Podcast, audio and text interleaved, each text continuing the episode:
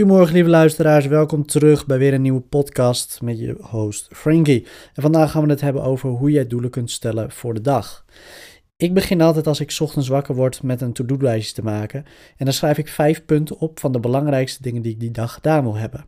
Zo schrijf ik mijn meetings op. Ik schrijf op hoeveel bladzijden ik wil lezen.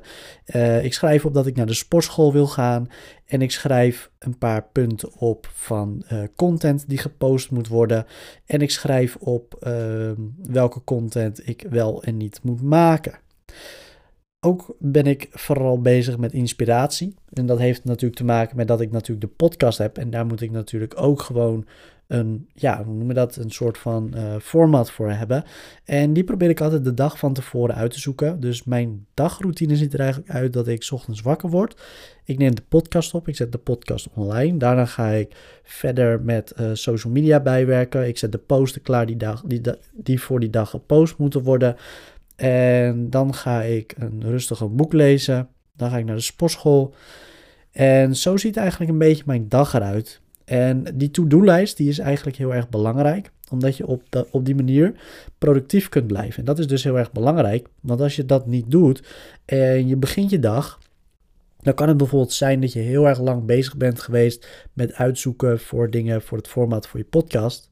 Maar vervolgens ben je er zo lang mee bezig dat het gewoon drie uur in beslag heeft genomen. En om dat te voorkomen maak je dus een to-do-lijstje. En op die lijst is dus precies te zien, deze taak, dat is, dat, dat is je taak.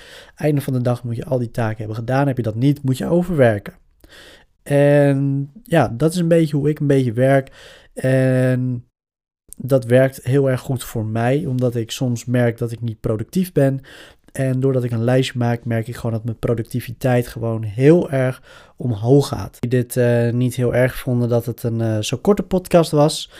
Ik uh, ben er maandag weer met een nieuwe podcast. En natuurlijk staat morgen gewoon weer de zaterdag special online. Trouwens, het is de allereerste zaterdag special. Dus uh, mis het zeker niet. We gaan morgen namelijk een uh, interview online zetten met een barbier. Vincent. Een heel mooi verhaal. ben je hier geïnteresseerd naar? Wees er dan zeker bij. Hij komt om 8 uur s ochtends online. En dan zie ik jullie morgen en daarna maandag weer met een nieuwe podcast. Oké, later.